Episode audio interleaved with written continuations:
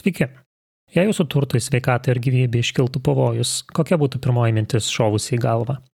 Galbūt galvotumėte kreiptis į šeimos narį, kambarioką ar kaimyną, tačiau viena geriausių idėjų, ko gero, yra skambinti bendrajam pagalbos centrui numeriu 112.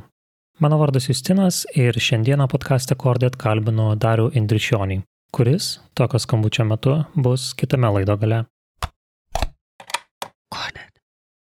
Sveikas, Dariu. Sveiki, Justinai. Malonu, kad atvykai čia šiandien. Visų pirma, noriu išsiaiškinti terminus, kaip visada, tai kaip tave vadinti. Ar sakyti bendrojo pagalbos centro operatorius yra tikslu, tai ką tu darai? Nu, tai būtų ko gero tiksliausias įvardymas. Pats jau ten nesi, nesi, nesi kažkaip nesileidžiant į pareigas, laipsnius, dar kažką tokio, taip, operatorius.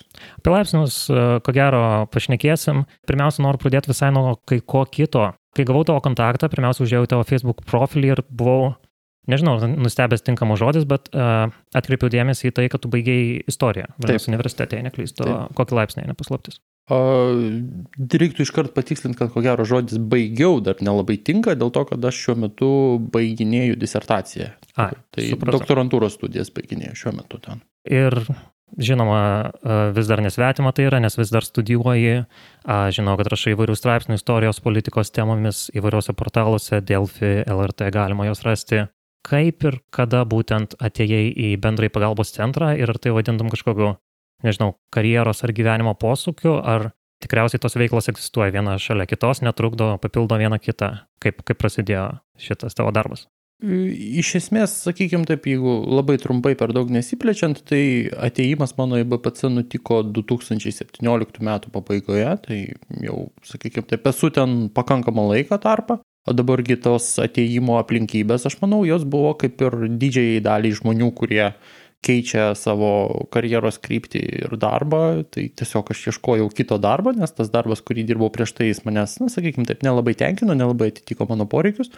Ir, sakykime, santykis su bendruoju pagalbos centru, su 112, pas mane buvo gan artimas visą laiką iki to, dėl to, kad mesgi žinom tą chrestomatinę tapusią Dembavos istoriją 2013 metais, kai bendrasis pagalbos centras 112 tarnyba labai plačiai nuskambėjo per visą Lietuvą ir, sakykime, taip labai dažnai tapo tuo momentu, tuo objektu, kuris yra visuomenėje keikiamas, keikiamas iš aukštų kabinetų, keikiamas įvairių valstybės, netgi aukštų pareigūnų. Ir man jau tuo metu, nors tuo metu 2013 metais man viso labo buvo 20 metų, tai sakykime, buvau dar tikrai jaunas ir mažai gal dar galėjau kažkokius tai gilės toli siekiančias išvalgas daryti, tačiau man jau tuo metu atrodė, kad, na, sakykime, tas BPC kabinimas ant šakių jis yra nepagristas ir kad čia greičiausiai reiktų pačiam kažkada gyvenime turint galimybę pasiaiškinti, kaip ten iš tikrųjų yra su ta tarnyba.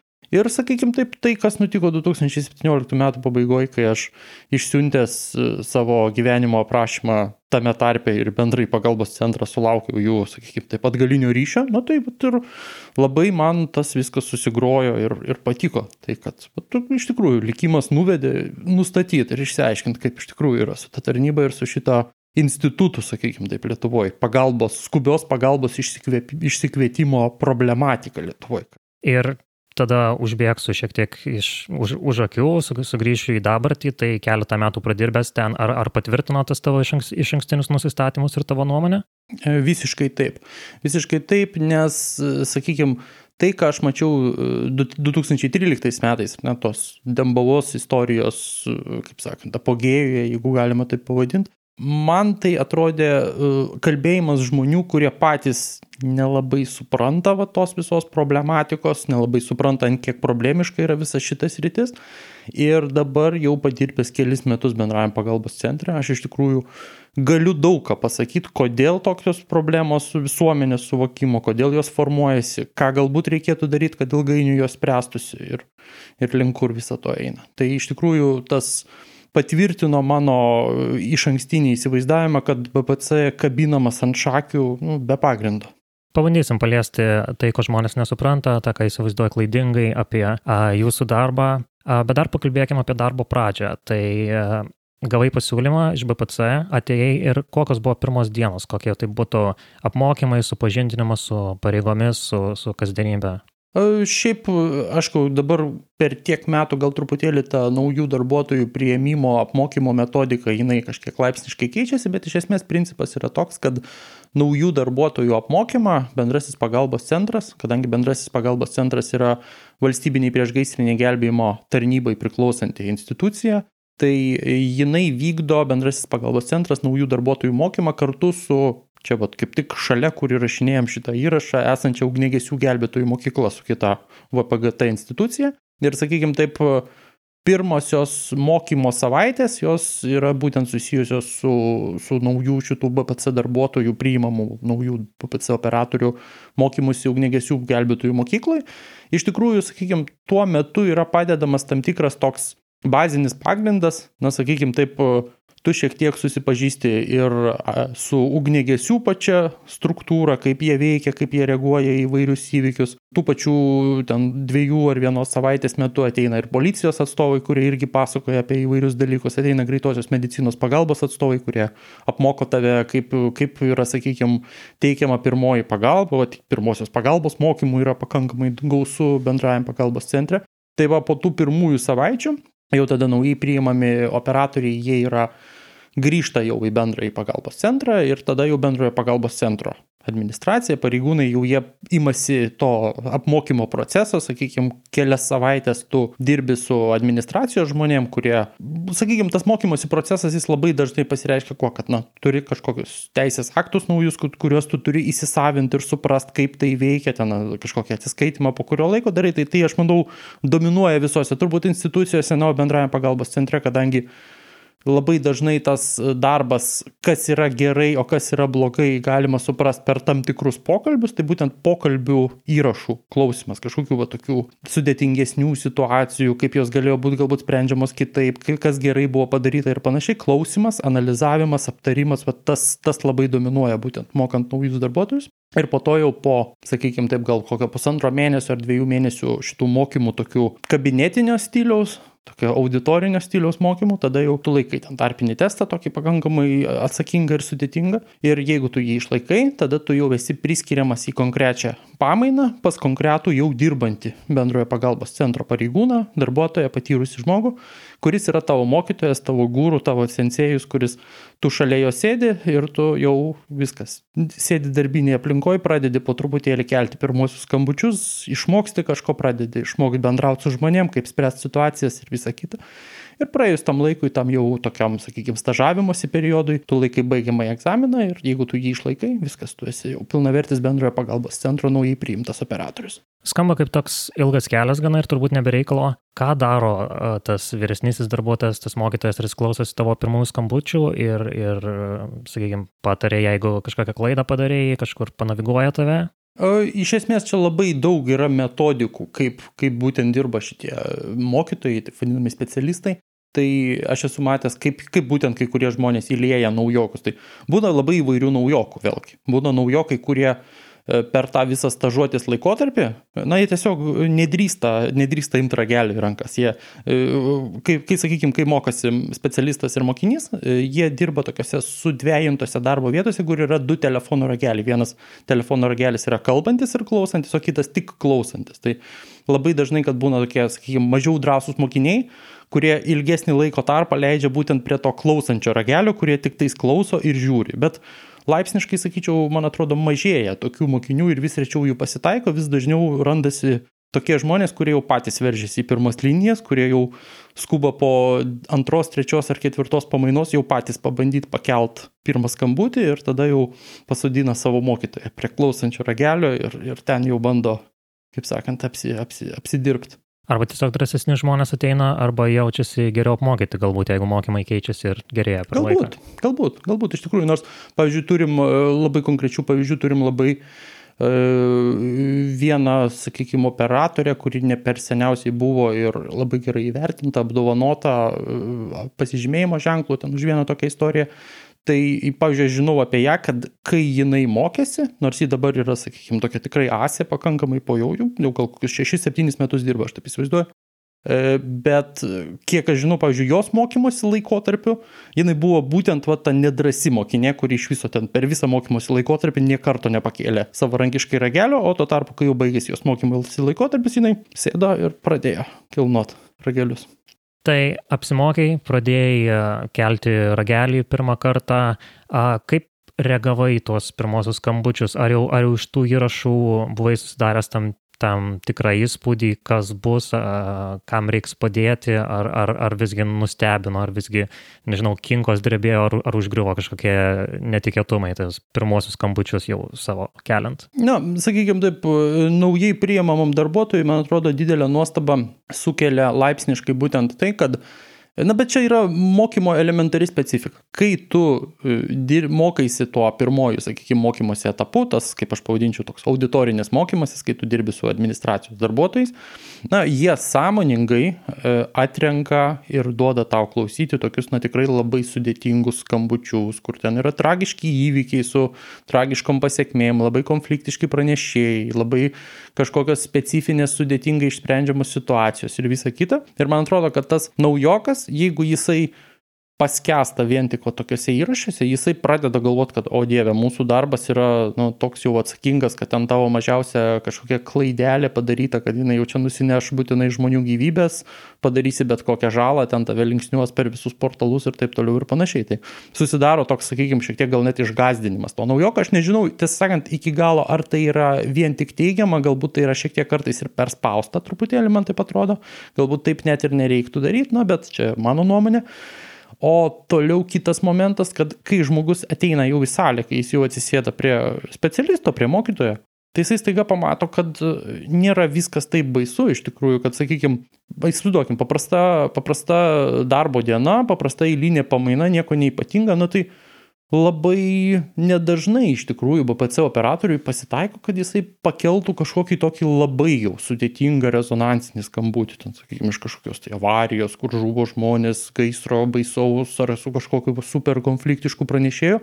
Na, ta prasme, vieną kartą per pamainą, du kartus per pamainą gali taip pasitaikyti. Aišku, būna pamainų, ten, sakykime, šventinių laikotarpių per kokius naujosius metus, per šventės, kai tokių pranešėjų ir tokių situacijų jų ženkliai padaugėja vien dėl to, kad žmonių aktyvumas yra natūraliai išaugęs. Tai sakykime, man atrodo, kad ir man buvo lygiai tas pats, kai aš mokiausi tuo, sakykime, stilium, kad va, tu klausai tiesiog įrašus, galvoju, o siaubė, kur aš čia papoliau, čia super atsakingas darbas, kaip, kaip, kaip aš čia iš viso dirbsiu, kaip aš čia gyvensiu, kaip aš čia suksiuos.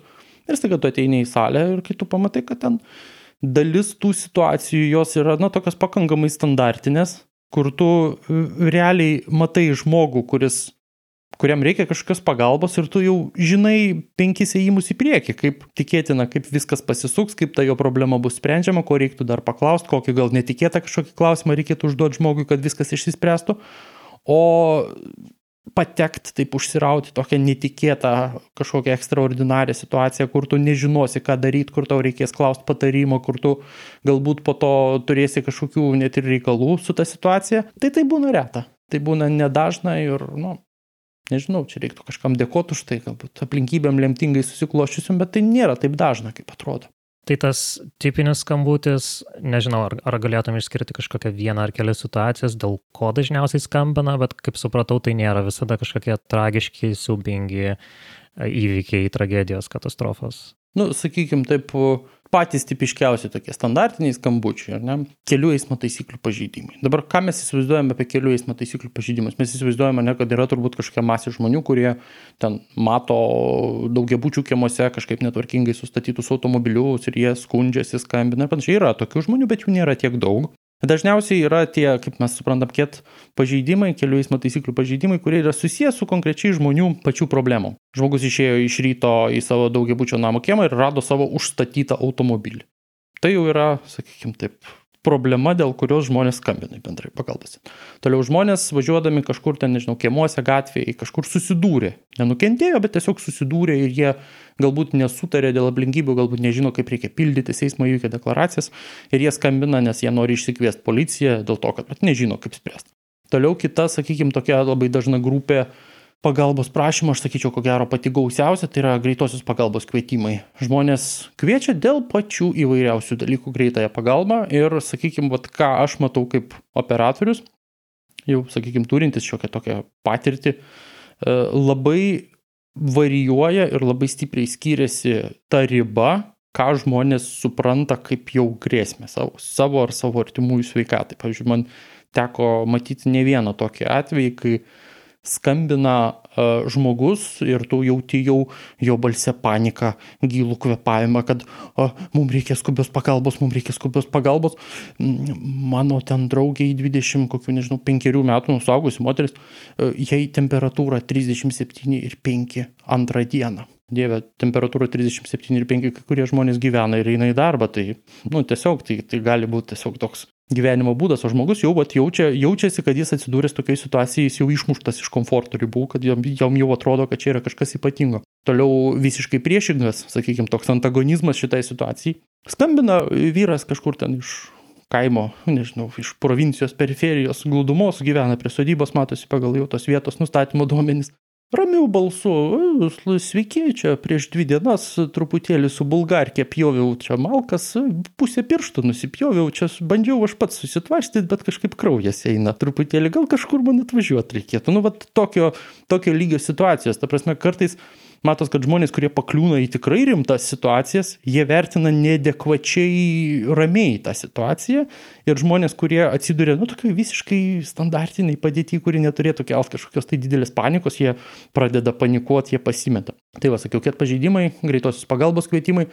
Na ir sakyčiau, dar tokia labai didelė standartinė grupė pranešimų yra būtent pranešimai apie, sakykime taip, tokius įvairius e, nestambius viešosios tvarkos pažeidimus, sakykime, girtavimą viešose erdvėse, kad ten, sakykime, žmonės mato kiemuose kažkokius galbūt asocialius asmenys, kurie vartoja alkoholį, vaikų žaidimų aikštelėse ir panašiai. Girdi triukšmą, vat, kaip tik esu po dviejų naktinių pamainų, penktadienio ir šeštadienio naktį atidirbęs, tai galiu pasakyti, kad šitas Šita tendencija ypač yra savaitgaliais, ypač vasarą, kai žmonės vieni nuvažiuoja kažkur prie ežerų ir tikisi, kad jų polisis bus ramus ir jie ten galės girdėti, kaip, ten, nežinau, per vandens paviršius lysta gervių pėdos, o tuo tarpu šalimais gretimoje polisėvietėje ar palapinėje įsikūrė jaunuoliai su dviem nešiojamom ten super stipriom kolonėlėm ir visą naktį klausosi muzikos ir šoka ten pa, pa, ežero pakrantį. Na tai, vat, tai yra, sakykime, tokie patys tipiškiausi, patys paprasčiausi ir dažnai netgi streso didelio nekeliantis bendrojo pagalbos centro operatorių gaunami pranešimai. Turbūt net dėl visų net tų kategorijų, kurias paminėjai, visada verta skambinti bendrai pagalbos centrą, pavyzdžiui, kiek pažeidimai, suprantu, jeigu tavo mašina užstatyti ir tau reikia važiuoti dabar, turbūt tau tai atrodo skubu, bet dėl smulkesnių pažeidimų ar negalima kažkaip pranešti bendrų policijos telefonų, kur yra neskubios pagalbos linija, arba net internetu turbūt e-policijoje gali įkelti nuotrauką, kad kažkas, nežinau, stato mašiną ant pievelės. Taip, iš tikrųjų, čia aš sakyčiau, jau mes tada prieinam šitoje vietoje prie kito dalyko, kas man atrodo irgi uh, formuoja visuomenės požiūrį į bendrąjį pagalbos centrą. Man atrodo, kad apskritai mūsų visuomenė, jinai e, labai sistemingai nueina vieno langelio principu. Vieno langelio principu aš turiu omeny tą prasme, kad Žmonės yra dabar jau pastaraisiais metais įpratę, kad jie kad ir kur ateina bet kokią, nežinau, valstybinę įstaigą, ten banką, dar kur nors, jie tikisi, kad jiems atėjus prieki vestibiulio stovės tas mažas žavus aparačiukas, kuriame išvardintos problemos, kažkokios jų paspaudi mygtuką, gauni čekiuką su eilės numeriu ir lauki, kol langelėje užsidengs lemputė, kad tu galėtum ateiti prie konsultanto, konsultantės ir jam ten papasakot savo bet kokią problemą. Tai man atrodo, kad bendrasis pagalbos centras daugelio žmonių sąmonėje, jis irgi yra panaši institucija, kaip, sakykime, tokia vos ne kažkokia pranešimų registravimo tarnyba. Kai kartais tu pasijunti žmogus, kad, na, iš tikrųjų dalis tų pranešimų, ką tu priėmi, ką tu perdodi, sakykime, policijai, kad, nu, iš tikrųjų, jeigu taip gerai galvojant, Labai geras klausimas, ar čia yra skubi pagalba. Na gerai, atsakykime, tokia vėl dažnai pasitaikanti standartinė situacija. Na yra žmonės, kurie kūrė šeimas, vieni kūrė šeimą sėkmingai, augina raudonskruoščius vaikučius, kitiems dėja mažiau pasiseka, žmonės išsiskiria, jų gyvenimą pradeda reguliuoti kažkokios, tai sakykime, teismo nutartis dėl vaikų priežiūros. ir viena tokia labai nemenka grupė žmonių, kurie būtent kovoja dėl savo vaikų ir bendrasis pagalbos centras tampa toks kaip nuolatinis tų problemų registratorius. Sakykime, skambina tėtis arba mama ir sako, kad štai va kita pusė, ten buvęs vyras, buvusi žmona, neduoda vaiko ten tokiom ir tokiom dienom, nors pagal teismo nutartį man priklauso ten savaitgalį matyti su vaiku arba neduoda man bendrauti telefonu, nors pagal teismo nutartį tas yra numatyta.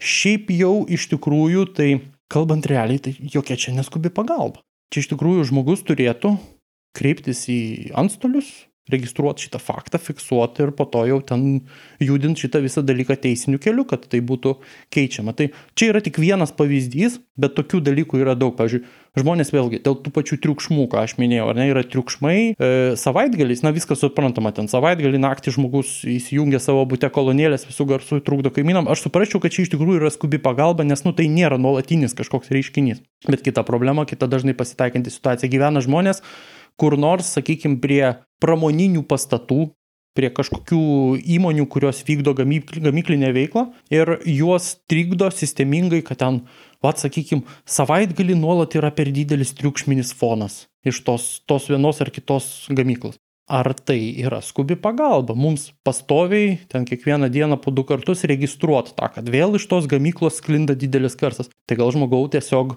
tau pačiam reikėjo kažkokius labiau analitinius veiksmus daryti toj vietoj, kur tu įsigyji būtą, pasidomėti, gal kad taip bus, suprast, kad tokia realybė, o jeigu ten ta situacija kitaip nesprendžiama, na vėlgi yra kitos institucijos, kurias galima kreiptis, tai ar tai skubi pagalba. Tai čia, man atrodo, taip, aš truputį gal išsipelčiau šitoje vietoje, bet esmė yra ta, kad žmonės, man atrodo, labai yra linkę suprast 112 kaip kažkokią tokią pranešimų ir įvykių registravimo tarnybą. Ta prasme, ne kaip e, tarnyba, kad tu gali išsikviesti tikrai skubę pagalbą, kai tau skubiai jos reikia, bet tiesiog pranešti apie kažką, kas tu manai, kad galbūt yra reikalinga, kad būtų pranešta.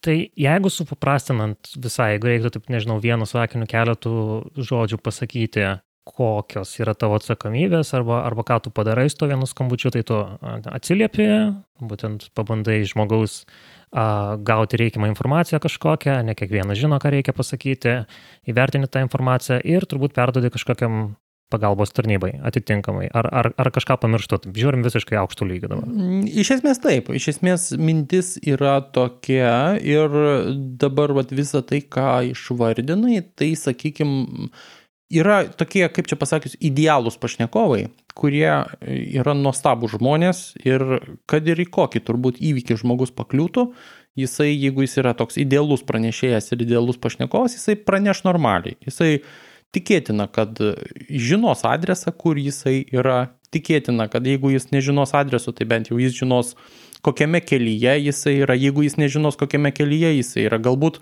labai didelė tikimybė jisai skambins iš telefono, kuris turi GPS funkciją ir kur tiesiog tau po 30 maždaug sekundžių pokalbio jau rodys ten 5-6 metrų tikslumu, kur yra žmogus. Šitie fantastiški pranešėjai, jie yra, na, sakykime, mes norėtumėm, kad tik tokie žmonės papultų, ar ne, kažkokias situacijas, kur reikalinga pagalba, nes iš tikrųjų, na, tau išsiaiškinus žmogaus buvimo adresą, tau jau iš, iš esmės labai didelė dalis darbo jau yra padaryta. Principė, kad tu vad žinai, kur yra žmogus, kuriam reikia pagalbos. Tai yra fantastiška. Deja, bet ne visi žmonės yra tokie. Pasitaiko žmonių, kurie skambina, sakykime taip, iš e, labai prastų telefonų, kurie ten tikrai nesugeba parodyti jokios tikslesnės buvimo vietos, kurie skambina iš telefonų be kortelių. Na, Taip būna dėja kartais, kad žmogus ar praradęs, ar neturi tiesiog kortelės. Kitas dalykas - žmonės, kurie nežino adresų, nežino, kur jie gyvena, nežino, kur jie yra pas kokius draugus, kur jie linksminasi, kur jie eina. Ir kas baisiausia, kad dažnai va tokie žmonės, kurie nėra tokie nuostabus pranešėjai, jie ir tas įvykio aplinkybės ir visą pasakojimą apie tą įvykį, kas jiem nutiko, jie dažnai tokį padaro mislingą ir paslaptingą ir tau bendrojo pagalbos centro operatoriui tenka įdėti labai nemažai pastangų kartais, kad išsiaiškinti, tai kasgi visgi atsitiko ir kokios kitų pagalbos nori. Sakykime, labai konkretus pavyzdys, ar neskambina, kaip šiandien atsimenu aš tą įvykį, e, buvo tai gal prieš kokius 3 ar 4, 3 ar 4 metus, e, naktis, antra gal valanda nakties,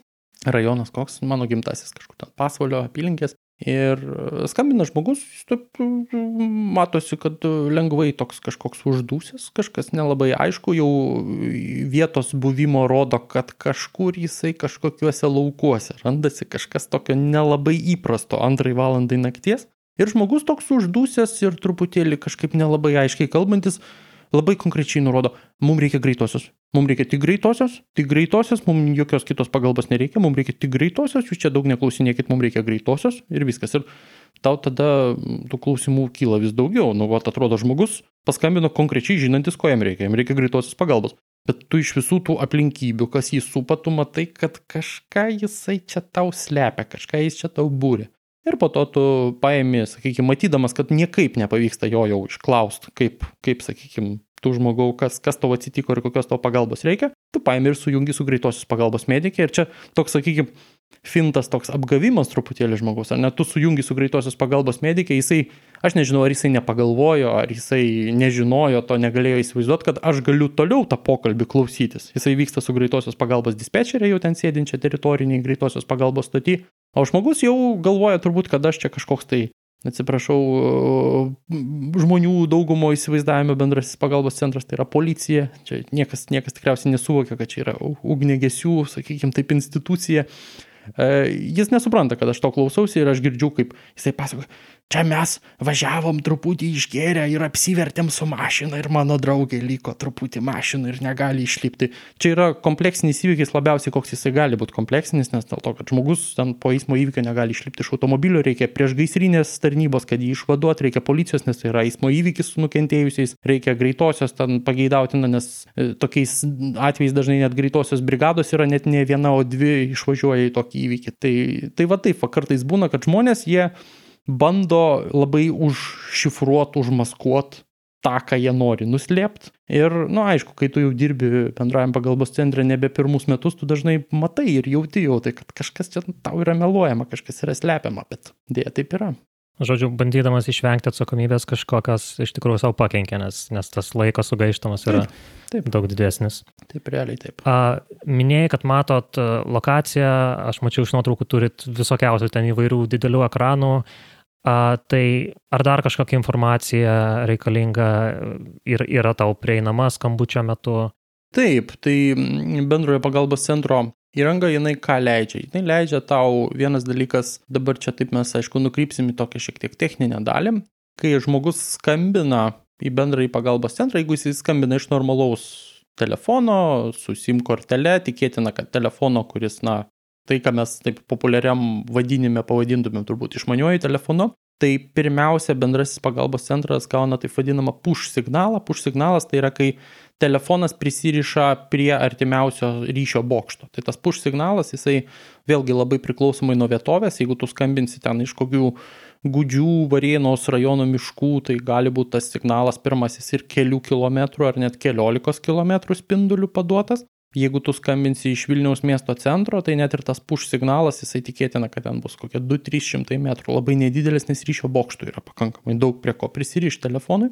Praeinant maždaug apie 30 pokalbio sekundę, telefonas, jeigu jis yra, kaip mes suprantam, išmanusis, Jeigu viskas gerai, nes ne visais atvejais tai išeina, bet jeigu viskas gerai, sakykime, bendrojo pagalbos centro operatoriai savo monitoriuose, kur jie mato vietos nustatymo duomenys, jie pamato, kad jau atėjo šitas mažesnis signalas, tas vadinamas AML, Advanced Mobile Location technologija, Ir e, tas signalas vėlgi jis gali būti arba GPS pagrindu, arba Wi-Fi pagrindu, dar ir toks CLID pagrindas, bet čia aš apie jį nešnekėsiu, nes aš pats, tiesą sakant, ne, ne viską iki galo ten suprantu, bet tai yra pakankamai retas dalykas. E, tai, sakykime, GPS pagrindu tas signalas jisai ateina net kartais iki 2-3 metrų tikslumu ir rodo esamą žmogaus buvimo vietą. Tai, va, tai yra fantastika.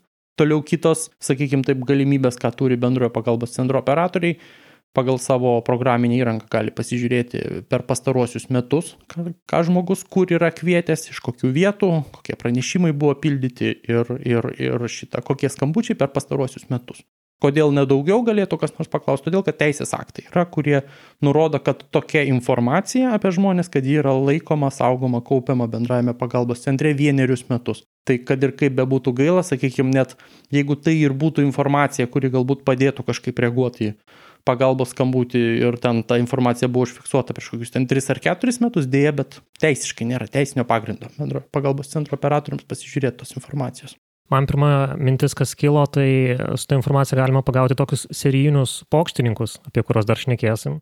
Bet, kaip sakei, turbūt rimtesniems reikalams tai skirta, kad tiesiog jeigu žmogus turi, sakykime, kažkokią, mm, nežinau, medicininę problemą, lygą, jį gali pasikartoti ir tada aiškiau yra iš istorijos, kad galbūt, galbūt vėl ta pati problema. Taip, taip, tai čia, sakykime, medicininės problemos tai yra viena, bet man tai atrodo dažniausiai šitą būtent uh, žinios šitos, šitos technologinės galimybės, kuriuom disponuoja bendrasis pagalbos centras, jie padeda būtent smurto artimoje aplinkoje atvejais. Kodėl? Vat, labai dažnas atvejis. Sakykime, tu kaip bendrojo pagalbos centro operatorius pakeli ragelį, ir tu girdi, kad su tavim niekas jau nekalba, bet fonė ten keiksmažodžiai visi įmanomi, kažkas ten, a, atiduok telefoną, a, ką tu darai, kam tu skambini, taip toliau panašiai. O tokio lygio pokalbis, girdi, kad ten kažkokie šiukždėsiai, galimai smūgių garsai, reikia klikia vaikai, bet panašus dalykai. Ir tu supranti, kad niekas čia turbūt su tavim nekalbės, iš viso pokalbis nutrūksta, tu bandai perskambinti, ten telefonas yra atmetamas, ryšys nutraukiamas arba jis yra iš vis išjungiamas. Ir ką tu darai? Tu darai labai paprastą dalyką, tu pasiemi šitą telefono numerį ir tu pasižiūri, kokie buvo ankstesni kvietimai, ankstesni skambučiai iš šito numerio. Tada tu lygini, sakykime, va, tu matai, kad yra konkretus adresas ten ankstesnio kvietimo, yra fabula surašyta, kas yra kvietėjas, ten jo vardas, pavardė, kokia yra surinkta informacija. Ir tu lygini, va, sakykime, ankstesniam kvietime ten prieš, nežinau, kelis mėnesius ar pusę metų žmogus kvietė į tokį tokį adresą. Ir tu matai, kad tas adresas principė sutampa su tuo dabartiniu vietos nustatymo duomeniu, ką tu dabar gavai, tai tu darai logišką prielaidą, kad tikėtina žmogus kvietė ten iš namų ar iš kažkur. Tikėtina, kad jis dabar yra ten pat ir, na, pagal tai, ką tu girdėjai, ką tu pajėgiai suprast, kad vyksta konfliktas, tu padarai prielaidą, kad na, žmogus pakliuvo į kažkokią bėdą, kad jam reikalinga pagalba. Tai va tai labai dažnai būtent tokiais atvejais, kai yra iš žmogaus atimamas ragelis, kai jisai nutrunka pokalbis, praranda galimybę pats pranešti, būtent ankstesni į BPC gauti duomenys. Todėl iš esmės, sakykime, vieną dalyką norėčiau pasakyti, kartai žmonės e, nesupranta, kiek e, yra svarbu prisistatyti bendrojo pagalbos centro operatoriams, ar ne, ir prisistatyti pageidautina ne kokiu nors ten sugalvotų vardu, ten Bronius Petrauskas, vardenis, pavardenis, ten dar kas nors ir taip toliau panašiai, bet prisistatyti būtent savo tikruoju vardu ir pavardę, vien dėl tos priežasties, kad tu pats nežinodamas gali taip savo, na sakykime, taip išgelbėti nuo kažkokios labai didelės bėdos ateityje. Pavyzdžiui, atsimenu tokią istoriją, Vėlgi, va toks vat, tamsus pokalbis, vat, kaip minėjau, kur ten staiga nutrūksta ryšys, tu girdi, kad vyksta konfliktas, kažkas tai ten tokio tikrai baisaus, kažkokia nusikalstama veika vyksta, bet tu ne, nepaėgi suprast, ne, nes nespėja tau pasakyti adreso pilno ir panašiai. Ir tu pasiemęs tą telefono numerį, tu pasižiūri archyvą ir tu matai, kad buvo prieš ten mėnesį iš to paties numerio skambutis, tu pasiklausai tą pokalbį, o ten mergina ar vaikinas, aš tiksliai dabar neatsimenu, pranešinėja apie kelių eismo taisyklių pažeidimą ir pokalbio pabaigoje, nu, atrodo nereikšmingas tas pranešimas, ten, sakykime, užstatė kieme automobilis arba ten automobilis stovi ant šalygatvių. Ir mūsų operatorius ar operatorė, dabar tikrai neatsimenu, kas kalbėjo, pokalbio pabaigoje paprašo prisistatyti. Nu, elementaru, žmogus pranešė apie kažką, jo paprašoma yra prisistatyti, koks jo vardas ir pavardė. Ir tada žmogus puola į ilgą, ilgą monologą apie tai, o kam jūs čia klausinėjat, kam jūs čia, kam jūs čia iš vis reikalingi yra tokie duomenys, kam jūs tai renkat ir panašiai, ir, ir ko, kokią tu čia teisę turi manęs klausinėti vardą ir pavardės, aš esu anonimė, aš ar anonimas, neatsimenu, ir aš nieko nepranešiu. Tai ačiū Dievui, kad tuo atveju buvo dar ankstesni skambučiai, kai žmogus buvo geranoriškesnis šiuo atveju ir jisai prisistatė. Ir sakykime, tas vardas pavardė vis tiek, na, mes perdodam pranešimą policijos pareigūnam, jie turi vėl ten kitas duomenų bazės, kitas galimybės. Pagal vardą pavardę žmogaus jie dažnai mato daug kitų įvairių duomenų, kurie gali padėti nustatyti, kur tas žmogus galėtų būti, su kuo jis galėtų būti ir, ir jam suteikti pagalbą. Tai vad, prisistatyti yra labai gerai. Dėl to, kad kai tu prisistatai, padidėja tavo galimybė, kad kai tu iš tikrųjų pakliūsi į bėdą, kad tau pavyks suteikti pagalbą. Supratau. Kai informaciją surenkame, kai jau um, išsiunčiama pagalba, ar skambutis tipiškai baigėsi, ar kažkuriais atvejais jūs galit uh, likti, taip sakant, ant laido ir suteikti galbūt kažkokiu patarimu žmogui, na, priklausomai aišku nuo situacijos Aš žinau, kad e, jau minėjai, kad e, medicinės pagalbos atveju, tai žmogus buvo sujungiamas su būtent medicinos stotimi, kur yra žmonės kompetitingi ir gali patarti, pasiūlyti kaip pirmąją pagalbą atlikti, o kažkokiais kitais atvejais. E, kažkokiais kitais atvejais labai dažnas yra atvejais taip vadinami karšti įvykiai policijos. Na, mes čia toks žargonas, karšti įvykiai. Karštas įvykis tai ta prasme, kai kažkokia veika nusikalstama yra vykdoma esamų metu ir tiesiog žmogus, kuris yra galbūt ar nukentėjęs, ar liudininkas, kuris mato asmenį, kuris ten daro kažkokį, tai, nežinau, nusikaltimą, kažką baisaus, įtartino. Ir tada šitas žmogus sujungiamas yra su teritorinio apskrities vyriausio policijos komisariato būdėtoju ir budėtojas toliau jisai jau, nu, tu kaip BPC operatorius, tu kažkiek išsiaiškinęs informacijos apie ten įvykio vietą, ar bus reikalinga greitoji pagalba, tu supranti, kad čia yra jau tas karštas policijos įvykis, kai tiesiog yra tikslinga būtent pranešėją sujungti iš karto su teritoriniu policijos komisariatu dėl tos priežasties, kad žmogus, na, vis tiek policijos pareigūnas, jisai yra, sakykime taip, kaip operatyvinis teisininkas, jis tiek, šiek tiek daugiau supranta, jisai gali galbūt pakreipti pokalbį kitą linkmę, galbūt gali operatyviau nusistatyti požymius, galbūt jisai vėlgi kaip valdantis policijos pajėgas, jisai mato, kur, kur šiuo metu yra artimesnis kažkoks policijos ekipažas, gali iš karto jį tenai siūsti į įvykio vietą ir panašiai, tai yra tikslingiau, tiesiog jungti su policijos pareigūnu, kai yra va, tas karštas policijos įvykis. Tai va čia tas, tas va atvejs.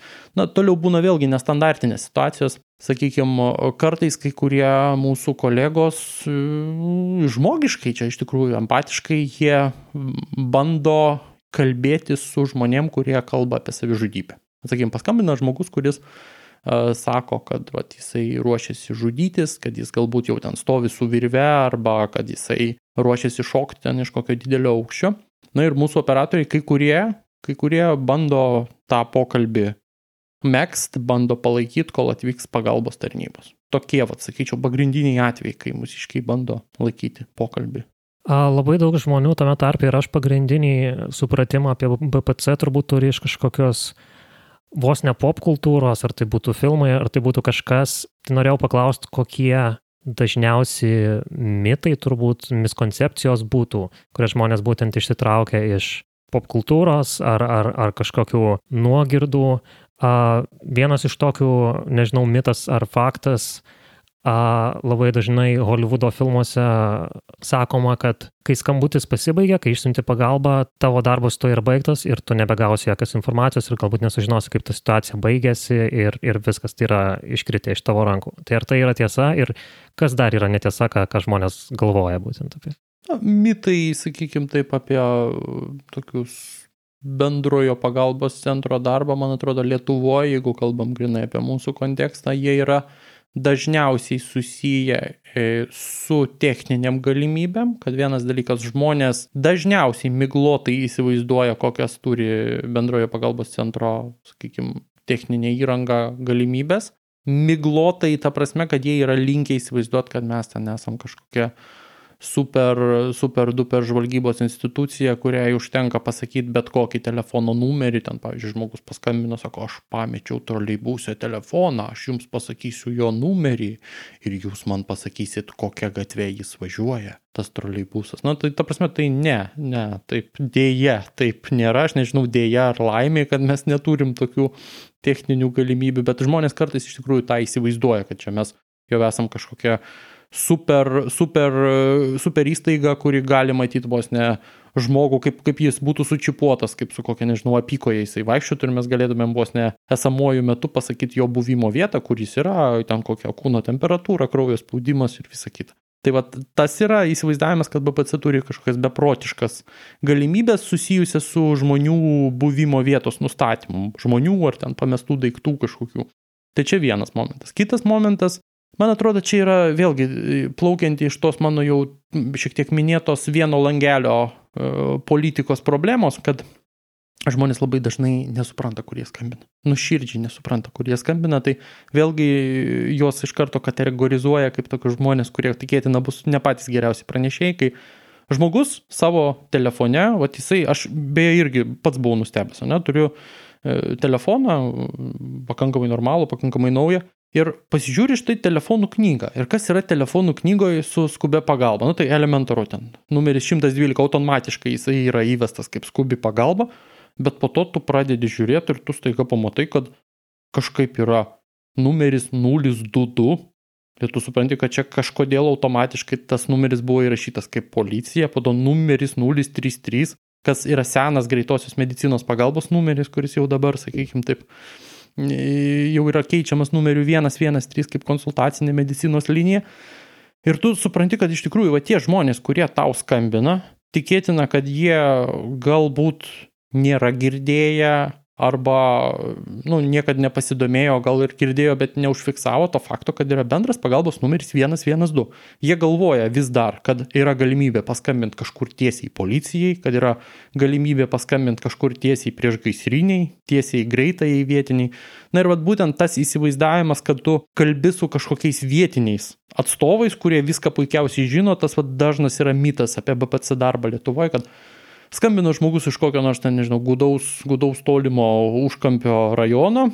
Ir jisai sako, sveiki, ar aš čia su įgaliotiniu Kazlausku kalbu. Nu, va tai kitokio lygio, kad žmonės, jie galvoja, kad čia jau jis paskambino tiesiai į policiją, tiesiai netgi į vietinę policiją ir dar netgi tikėtina, kad kalba su kažkokiu tai policijos pareigūnu, kuris ten prieš dešimt metų jam ten padėjo išspręsti karvės vagystę ar kažką tai tokio. Na tai, tai, vat, tai yra pagrindiniai mitai. Pirmas, kad žmonės įsivaizduoja techninės galimybės, kažkokį beribiškumą BPC, kad BPC supersiekimo institucija.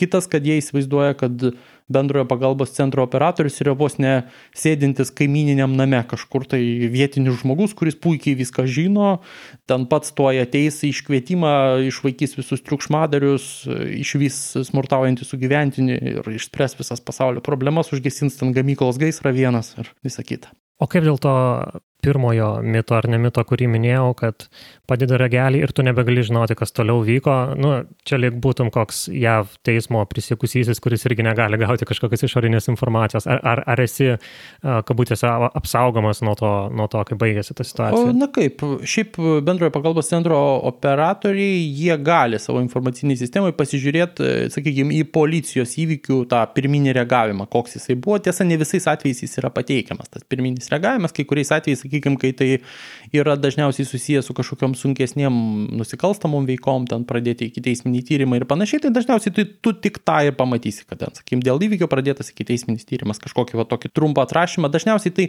ta informacija, jinai nebūna kažkokia išsami, labai didelė, kad ten va tau detaliai yra pateikta, trumpai ten viskas išdėstyta, kaip ten buvo, kas ir kaip ir kaip atrodė ir koks promilių girtumas ir visa kita ir panašiai. Na, sakykime, mes kaip e, esam e, bendrasis pagalbos centras valstybinės priešgaisrinės gelbimo tarnybos institucija, kadangi mes, mūsų šitie pajėgų valdytojai, kas valdo priešgaisrinės gelbimo pajėgas, kai jie reaguoja į kažkokius gaisrus ar ne avarijas, tai jie įvykio metu pildo tą kortelę ir ten mes, sakykime, jau detaliau galim matyti, kai, sakykime, kad ten atvyko jau priešgaisrinė tenai, ką daro, kokia pirminė informacija gauta. Tai mes pat tą, tą informaciją daugiau. Pavyzdžiui, iš greitosios pagalbos mes iš viso negaunam jokio, jokio grįžtamojo ryšio, ten maksimum būna kažkoks trumpas formalus automatizuotas atsakymas, kad ten, sakykime, žmogus pristatytas į ligoninę arba ten suteikta konsultacija. Bet iš tikrųjų tai mums daugiau nelabai ir reikia dėl tos priežasties, kad Lietuvoje, man atrodo, jau yra susiformavus tokia informacinė visuomenė, kad dažniausiai jeigu tai yra kažkoks rezonansinis iš tikrųjų įvykis, tai vis tiek institucijos vienos ar kitos apie tai praneša žiniasklaidai ir tu po to jau savo tą būtent įvykį gali sekti e, būtent žiniasklaidos puslapiuose, kaip tas toliau rutuliojasi ta istorija. Na, vėlgi būna kitas paradoksas. Žmonės e, žiūrėdami laidą farai supranta, kad jie yra BPC operatoriai, kurie priiminėjo vieną ar kitą įvykį. Tai čia irgi pas mus būna kartais tas dalykas. Aišku. Jau minėjai, kad yra tam tikros pamainos, kurios yra kabutėse blogesnės, kuomet yra daugiau atvejų, kuomet jie yra sudėtingesni. Visų pirma, kokio ilgio yra tavo pamainos, kaip dažnai, kiek poliso tarp jų turi? Taip, dabargi bendrasis pagalbos centras kaip institucija dirba nenutrūkstamo veikimo principu ir esmė yra tai, kad tu turi būti užtikrinta, kad visą laiką žmonės dirba bendrajam pagalbos centre 24 valandas per parą, 7 dienas per savaitę Tai mūsų pamainos yra organizuotos taip, kad yra dieninės ir naktinės pamainos. kai kuri dalis darbuotojų, sakykime, kurie dėl savo šeimininių aplinkybių na, negali dirbti naktimis, tai jie dirba grafikų nuo 10 iki 22 valandos. Bet jų yra pakankamai nedaug šitų darbuotojų. O šiaip absoliuti dauguma tai yra dirbantis dieninės ir naktinės pamainas. Dieninė pamaina tai yra nuo 7 ryto iki 19 valandos, o naktinė pamaina atvirkščiai nuo 19 iki 7 ryto. Dabargi kaip mes dirbam, tai aišku, ten kiekvienas BPC teritorinis skyrius jų yra Šiaip jau trys, na bet, sakykime, kalbant apie skambučių administravimą, tai aktualūs Lietuvoje yra du. Tai yra Vilnius, tai yra apimantis, sakykime, taip, rytinę šalies dalį ir yra Klaipėta, apimanti Žemaityje, vakarinę šalies dalį, Kauna, Šiaulius, vat, šitos, vat, šitą dalį Lietuvos.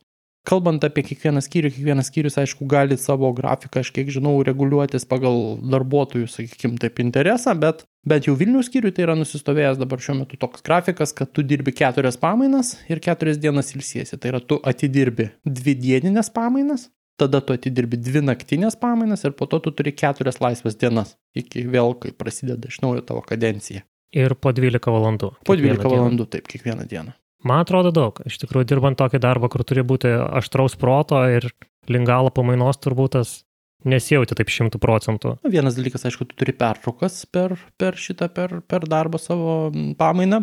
Kitas dalykas, na, vėlgi, tos pamainos, jos yra netolygios pakankamai dėl to, kad rytais dažniausiai ryt, rytmečio laikotarpį, na, tų skambučių jų nebūna labai daug. Ten, sakykime, iki kokios 9-10 valandos ryto dažnai būna dar pakankamai ramu dar pakankamai ramu, na, bet jau nuo kokios 10 valandos, principė nesvarbu kokia yra, tai savaitės diena vis tiek jau prasidės. Jau prasidės žmonės kažkur pradeda keliauti, pradeda nubraukti kaimynų mašinas, pradeda ieškoti, jų pradeda atsibūsti iš po ten dvi savaitės trukusio alkoholio vartojimo, nepertraukimo, pradeda ieškoti medikų, pradeda aiškinti su nepatinkančiais kaimynais, artimaisiais giminaičiais ir taip toliau, pradeda atsiminti, kad ten tapo nusikaltimo auka prieš tris savaitės. Na, tokie va dalykai. Žmonės atsibunda, padidėja jų aktyvumas ir logiškai padidėja į bendrą į pagalbos centrą patenkančių skambučių skaičius. Tai yra normalu. Na, o dabar kalbant apie tokias sunkesnės, baisesnės pamainas, tai mes kaip taisyklė esam pastebėję kelis dalykus. Pirmas dalykas, visada sunkesnės yra pamainos nuo 10 iki 14 maždaug mėnesio dienos. Kodėl? Todėl, kad žmonės gauna atlyginimus, tame tarpe žmonės, kai kurie, sakykime, kurie gyvena, sakykime, sunkesniem sąlygom, gauna pašalpas. Deja, mūsų valstybė yra iš dalies taip susiklostę, kad nemenka dalis mūsų skambinančiųjų dėja yra žmonės, kurie, na, sakykime, patenka į tą tokią galbūt skurdo rizikos kategoriją ir jiem tas pašalpų gavimas jiems yra pakankamai aktualus ir dėja, bet kai jie gauna pašalpas, labai dažnu atveju irgi padidėja jų toks tam tikras neigiamas aktyvumas, kad jie kai kurie pradeda, ten, nežinau, vartoti alkoholį, pradeda atidavinėti kažkokias tai savo skolas, pradeda konfliktuoti su kaimynais ir panašiai ir, ir ta skambučių irgi automatiškai padidėja. Toliau, aišku, yra elementaru, kad daugiau skambučių būna penktadienio naktinė pamaina, šeštadienio naktinė pamaina, dažniausiai tai būna susiję, kad žmonės arba keliauja kažkur polsiauti, arba kažką švenčia, arba yra triukšmai aplinkui, žmonės dėl to skundžiasi. Tai tas dalykas. Ir taip pat esam pastebėję, kad pakankamai sunki diena yra pirmadienio diena būtent pirmadienio diena, nu, dažnas apskritai žmogus pirmadienį suvokia kaip sunkia diena, savaitės naujos pradžia, darbų naujų pradžia, bet pirmadienis ir bendravim pagalbos centre diena yra pakankamai sunkiai dėl to, kad, na, pakankamai žmonės pradeda suaktyvina savo judėjimą, gyvenimą, dažnas galbūt pradeda keisti nuo naujos savaitės pradžios savo gyvenimą, prisijama kažkokių keistų įsipareigojimų, tai mes irgi tą pajuntam kartais. Važiuoja skubai darbą, atsitrenkia į kažką. Taip, pradeda kelininkai darbus, reikia surasti ten 20 stovinčių automobilių, pranešti apie jų savininkus ir panašiai. Supratau.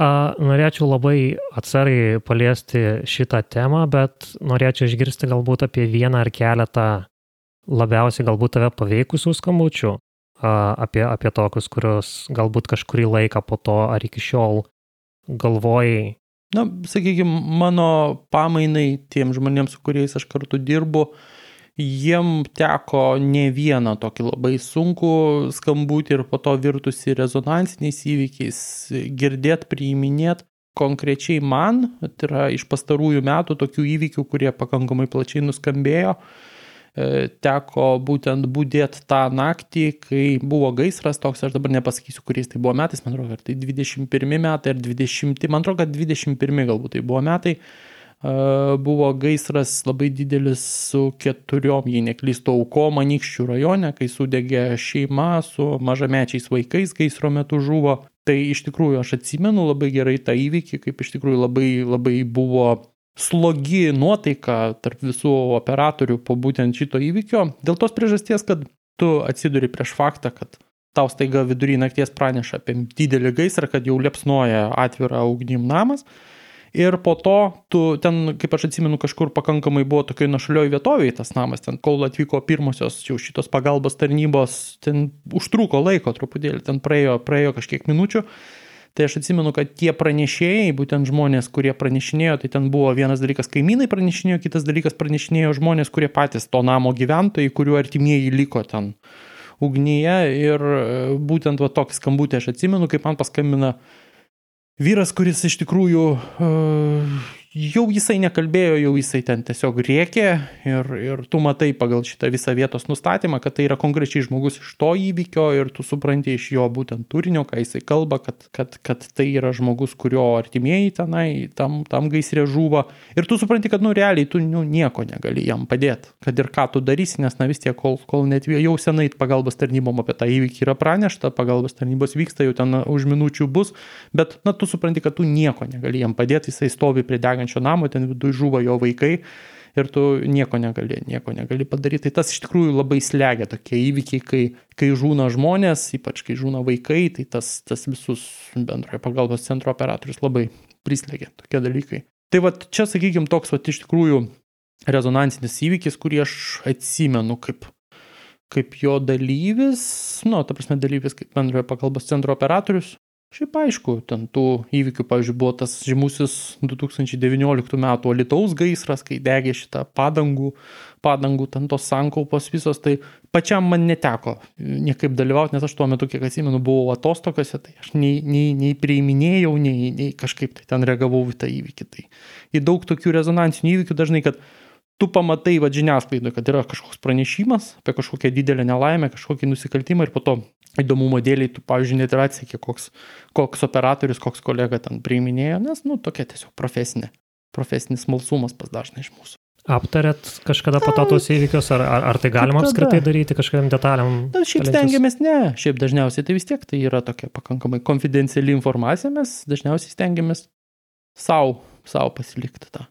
Ar su tais uh, tokiais potyriais uh, po sunkių skambučių, ar suteikiamos jums kažkokios priemonės tvarkytis psichologiškai? Nes uh, turbūt vienintelė profesija, ir jinai yra visai kitokia, bet turi vieną, vieną bendrą dalyką, su ko galiu palyginti, tai yra, aš esu žiūrėjęs daug dokumentikos apie socialinių tinklų moderatorius. Ir vienintelis dalykas, ko tai yra susiję, tai kad susidurėma su irgi jautriomis temomis ir tas darbas yra, nežinau, 80 ar 12 valandų per dieną žiūrėjimo į a, smurtą, į seksualinį išnaudojimą, į terorizmą. Ir aš dabar nepasakysiu šaltinio ir ar tai yra tikrai tiesa, bet esu girdėjęs, kad jiems suteikiama psichologinė pagalba yra maždaug 8 minučių psichologų konsultacija. Ir tada tu eini su savo vis dar tom įreštom tavo atminti vaizdais, toliau dirbti prie to pačio. Ir iš tikrųjų neseniai skaičiau, kad Ar dėl šito, ar dėl, ar dėl kitų prastų sąlygų buvo netgi prisitaisę kažkiek milijonų, class action, nežinau kaip lietuviškai vadinasi tas, žodžiu, didelės, didelės žmonių grupės a, ieškinys. Ar turit kažkokias priemonės, ar turit kažkokius žmonės, kurie padeda po, po sunkesnių patirčių? Na, šiaip, aišku, bendrajam pagalbos centre yra psichologai, dirbantys iš tikrųjų yra pagal mūsų ir teisės aktus visą darbo organizavimą yra numatyta galimybė kiekvienam bendrojo pagalbos centro darbuotojui, jeigu jisai, sakykime, jaučia psichologinę kažkokią įtampą, kreiptis į įstaigoje dirbantį psichologą, gauti iš jo kvalifikuotą pagalbą. Aš labiau norėčiau kitą dalyką galbūt pastebėti, na yra, sakykime, tie vat, instituciniai dalykai, kas yra numatyta, kad vat, štai yra kažkoks, ten, nežinau, psichologas, kuris turėtų teikti tas konsultacijas. Man atrodo, kad bendrajam pagalbos centre yra susikloščiusi tokia labai gera iš tikrųjų situacija, kad kolektyvas pats tarpusavį jis yra labai empatiškas savo kolegom, draugiškas ir geras kolektyvas. Iš tikrųjų, kolektyvas yra pagrindinis pliusas bendraja pagalbos centre. Ir būtent, sakykime, tavo pamaina yra tavo, kaip sakykime, vos ne šeima, nes tu praleidi labai daug laiko su šitais žmonėm, tu su jais kalbėsi, jie tave pažįsta, tu juos pažįsti Ir dažniausiai jie būtent yra tie, kurie geriausiai gali atjaust tavo jausenas po tam tikrų įvykių, gali tave suprast, patart, kažkur nukreipti ir panašiai. Pas mus būtent kolektyvas atsveria tą psichologinės pagalbos poreikį, kad, sakykime, pačio bendrojo pagalbos centro operatoriai vieni kitus pakankamai palaiko ir ypač va tokiuose sunkiuose situacijose palaiko. Tai va tas yra pas mus labai didelis pliusas. Na čia žinoma, yra, yra du skirtingi dalykai - profesionali pagalba ir draugo, draugo pagalba atjauta, bet iš tikrųjų smagu girdėti, kad vienas kitą nepakeičia, negali pakeisti, bet papildo vienas kitą. Taip, pradėjom liesti tokias tamsiasias negerasias e, pusės, pašnekėkim apie irgi, irgi negerą fenomeną, pokštinius skambučius, trolius liaudė sakoma. Aš žinau, kad kai aš buvau vaikas, tai tikrai populiaru būdavo skambinti, ar tai būtų pagalbos tarnybos, ar tai būtų kitos telefono linijos, jaunimo linija, nes buvo hihihaha toks labai, labai gera veikla, neturint ką veikti. Nežinau, koks procentas pasitaiko tokių žmonių, kurie tyčia skambina nerimtais dalykais, kaip, kaip tu tvarkaisi su jais. Na, čia, sakykime, mes pereinam prie tokios temos, aš irgi beje esu tas padykęs vaikas, kuris e, būdamas ten kokių kelių metų amžiaus su draugais, pokštaudami irgi ten telefonė surinkdavom policijos numerį ir paskambindavom ir sakydavom, kad nors labai diena ir čia šiltnamis, nu, kažką tokio, to, iš tokio banalaus, tokio, e, tai būdavo iš tikrųjų vaikystėje. Bet e, dabar ką galiu pasakyti, čia vėlgi yra šiek tiek turbūt mitas šitoje vietoje, kad tų trukdančių, vat tokių trukdančių banalių, kad skambina vaikai, kad tokių skambučių yra labai daug, jų nėra labai daug. Jų nėra labai daug, aš aišku nedisponuoju dabar kažkokią statistiką šitoje vietoje, bet sakykime taip, tokių, kad skambintų vaikai, kad skambintų nuolat ir kad skambintų ten pokštaudami, tai to pasitaiko, bet dažniausiai tu tokį skambutį iš karto labai jauti, tu jauti, kad fonė ten girdis kaip kažkas krizena, hi, hi, hi, kad tas pats pranešėjas tokį praneša dažnai su realybė kažką nesusijusi. Aš čia matau piktą dėdę, kuris paėmė kamolį ir numetė į upę. Nu, ta prasme, čia vat, toks pranešimas, ar net galėtų būti realybė, ar negalėtų iš tikrųjų tai būti, bet tu fonė girdi kaip hi, hi, hi, hi, kažkas ten, ha, ha, ha, tu dar tą pasakyk. Ir panašiai, tokie dalykai Tai, nu, tu matai dažnai ir pagal vietos nustatymo duomenys, kad mokykla kažkokia užsidega centre arba ten vaikų darželis. Na ir tu supranti, kad čia tikėtina, kad vaikųčiai raudonskruoščiai nusprendė šiek tiek per pertrauką kažkaip tai atsipalaiduoti ir papokštot. Bet tai ne, nepasakyčiau, kad tai sudaro labai didelę kažkokį trikdį mums, nes mes labai dažnai tiesiog jaučiam, matom tos pranešimus ir suvokiam, kad na čia yra pokštavimas vaikų, kad tai nieko rimto ir, ir, ir būna taip, kad tai mes pažymim savo sistemą kaip trukdantį skambutį, kad čia yra vaikų išdikavimas, vaikų žaidimas. E, daug blogiau būtų, ir tokių dalykų, aišku, dėja irgi pasitaiko, kad vaikai skambina pokštuoja, bet jie praneša rimtai, kad, pavyzdžiui, skambina vaikas, dega namas ir viskas ir padeda ragelį. Principė, tu galbūt ir turi įtarimą, kad tai yra melagingas skambutis ir tu matai, kad, na, vidury dienos, vidury miesto, jeigu ten degtų namas, na, logiškai mąstant daryk prielaidą, kad tu ne vieno to skambučio sulauksi, o daug žmonių skambins ir apie tai pranešo, čia jeigu vienas paskambino ir niekas daugiau neskambina, kad greičiausiai tai yra kažkas ne visai susijęs su teisybė. Nu, bet vis tiek, tu esi tokioj labai dviprasmiškai, bet kaip, kaip į tai reaguoti? Ar prisimti riziką ir traktuoti tai kaip jau tokį uh, apgaulingą skambutį, ar visgi iš tikrųjų perduot kažką pagalbos tarnybom. Tai va tai yra tokia jau labiau problematiškas tas vaikų išdikavimas, laimė jisai retai pasitaiko. Ir kitas aš momentas pasakyčiau, vad kas iš tikrųjų yra problema, tai yra problema, sakykim taip, žmonės, kurie yra nuolatiniai skambintojai, bet nuolatiniai skambintojai piktybiški tokie, kurie dažnai iš tikrųjų realių problemų jie neturi nu, realių kažkokių tai tokių, kad jiem iš tikrųjų būtų reikalinga skubi pagalba, kad kažkas ten blogo su jais vyktų, jie neturi, jie tiesiog skambina dėl to, kad jie jaučia savo pareigą ten padiskutuoti, na mes turim, sakykime, nuolatinį skambintoją, kuris nuolat paskambinęs pradeda cituot Lietuvos Respublikos konstitucijos tam tikrus straipsnius, pradeda tau aiškinti, kad tu, vat, kaip viešojo administravimo funkcijas atliekantis asmuo, jam ten turi suteikti tokias ir tokias paslaugas. Ir nors tu jo bandai kažką išklausti, kokia iš vis jam yra žmogui reikalinga skubi pagalba, tu supranti, kad tu tiesiog atsiduri užburtam rate, nes žmogus skambina nepranešti apie kažkokį įvykį, bet jis skambina padiskutuot. Tiesiog padiskutuot su tavim vat apie kažką, nes jisai galbūt yra nepatenkintas, galbūt jis tiesiog apskritai nekenčia visų valstybės institucijų dėl kažkokios priežasties. Tai va tokie būtent skambinantieji, kurie yra e, norintys ne tai, kad pranešt, bet tiesiog padiskutuot, tave įžeist, galbūt pažemint, tai va tai yra, man atrodo, labai didelė problema. Jų irgi nėra daug, Mes juos dažnai žinom jau ten tiesiog, sakant, kad tu jau telefono numerį matai ir tu žinai, kad čia tas žmogus, bet nu, tai vis tiek vargina, tai vis tiek būkina, nes nu tu esi pavargęs dažnai nuo to didelio skambučių strauko, nuo to atsakomybės, kad tu vis tiek turi į kiekvieną tą skambutį prisitaikyti, išsiaiškinti adresą, išsiaiškinti aplinkybės, perduot kiek įmanoma operatyviau viską ir tau dar skambina kažkoks, atsiprašau, ir jisai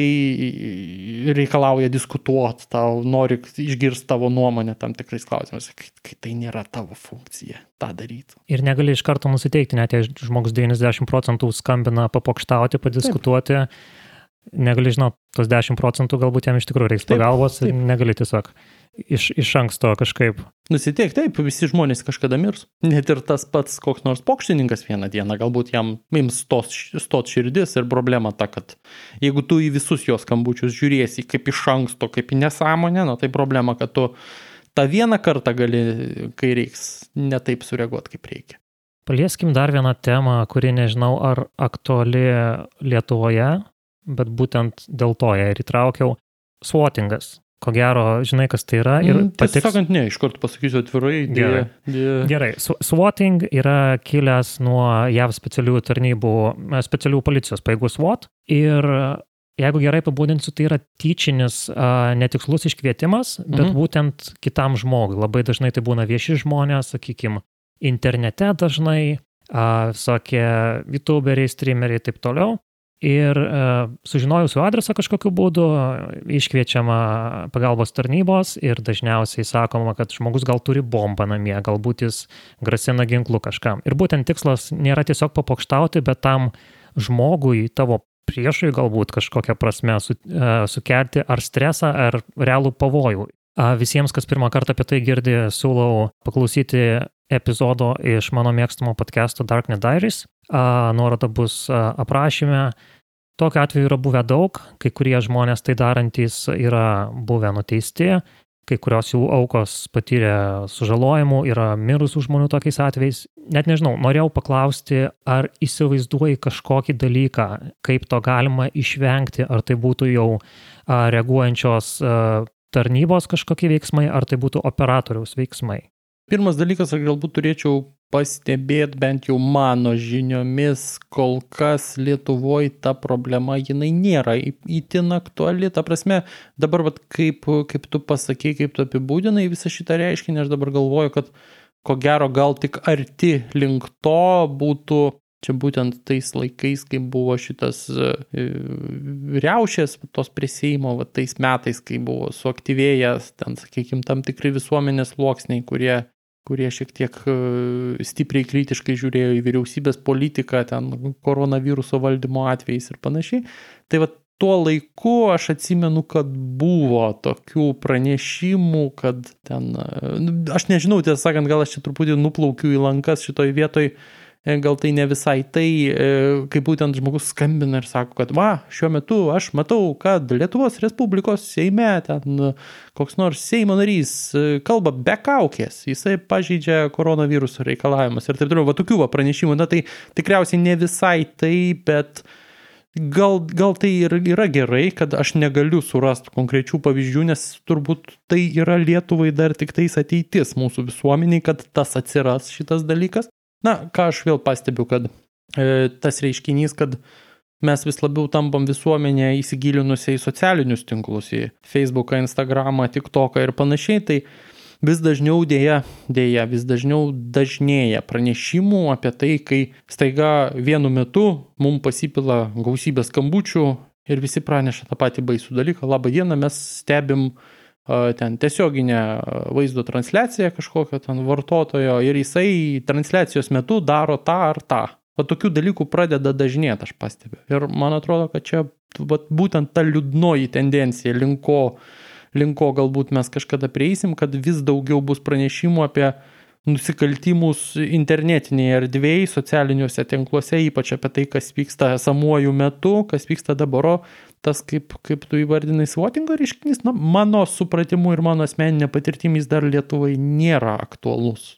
Galbūt panašiausia, ką galėčiau atrasti, tai žinau, kad turbūt nedažnai pasitaiko istoriškai keletą kartų, nežinau, nepriklausomos Lietuvos istorijoje buvo, kad sakoma, kad užminuotas Seimas, o, toks tai teroristinis grasinimas. Standartas, čia dažnai pasitaiko, vat, e, ypač aš sakyčiau, čia pastaraisiais metais, būtent kai suaktyvėjo šitą įtampos, kai aišku ir karas Ukrainoje ir vat, visi šitie dalykai, politinės įtampos, e, buvo vienu metu iš tikrųjų, kad vos ne kiekvieną dieną kaip standartas, kad ateina pranešimai iš įvairių institucijų, kad laba diena mes savo elektroniniam pašte gavom laišką apie ten grasinančią informaciją, kad tokia ir tokia diena mūsų įstaiga iš viso ten išlieks į orą. Tai vad, tokių dalykų pasitaiko. Jie irgi nėra kažkokie super dažni, bet jie nu, pasitaikantis, sakykime taip.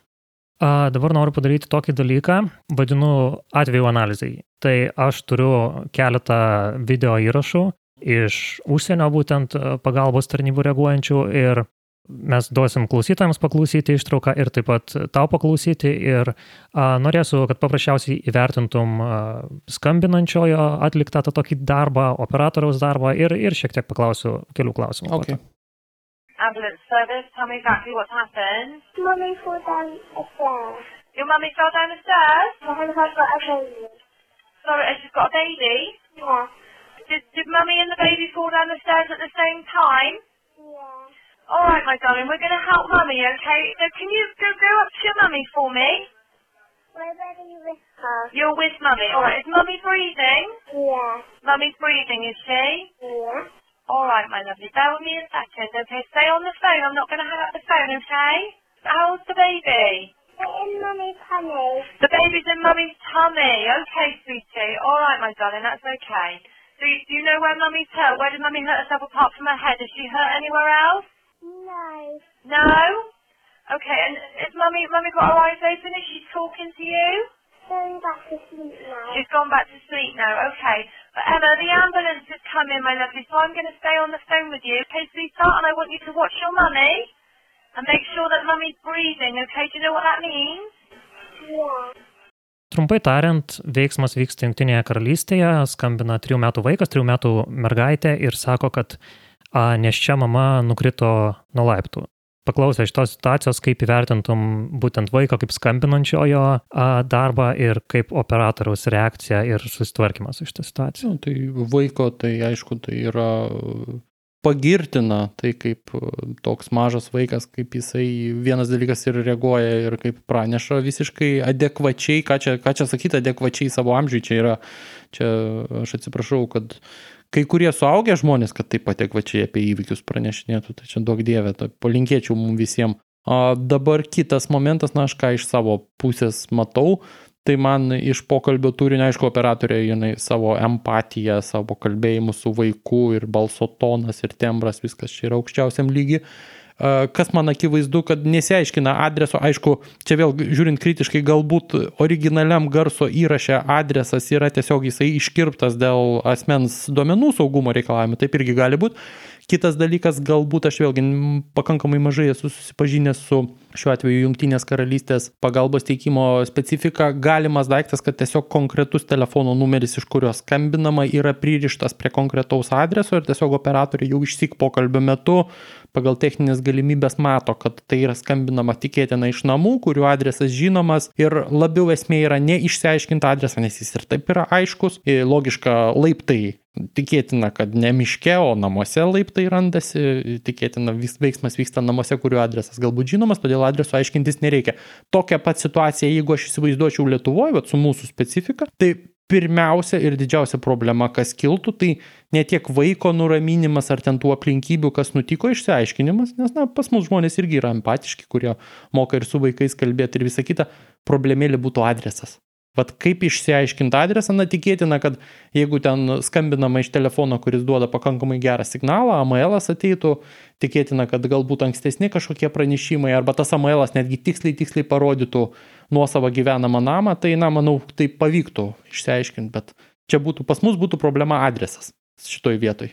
Mhm. Su adresu. Ar vaikas sugebėtų adresą pasakyti? A, kažkur galbūt kitam įraše esu girdėjęs, kai vaikų buvo sakoma išeik į lauką ir, ir mojuok, atvažiuoja, mhm. matysi, atvažiuoja su šviturėliais ir mojuok jiems. Na tai turbūt priklauso vėlgi daugiabutis ar kažkokie priemeščiai, nuo to skiriasi, bet pats bendravimo su mažamečiu vaiku, kuris neturi tiek suvokimo, kuris nežino adreso, vėlgi, kaip sakei, ar tau tekia bendrauti iš tikrųjų rimtomis problemomis, ne, nepajokajant su vaikais ir, ir ką pritaikyti, kaip su jais kalbėti mm, tokiu atveju? Tekė, tekė, man tiesą sakant, negaliu, kaip čia pasakyti, pasigirti, ar tinka toks žodis, negaliu pasakyti, kad man yra tekę priimti kažkokius tokius kritinius vat, skambučius, kad vat, vaikai patenka iš tikrųjų į rimtas nelaimės ar jų artimieji patenka, bet, sakykime, yra tekę bendrauti ir su tokio nuo amžiaus iki dešimties metų vaikais, kurie visai jau adekvačiai sugeba pranešti, kad, va, sakykime, jie mato, kad kieme kažkoks guli dėdė nepažįstamas ir jie visai normaliai praneša ir sugeba ir pasakyti adresą tau ir, ir visa kita.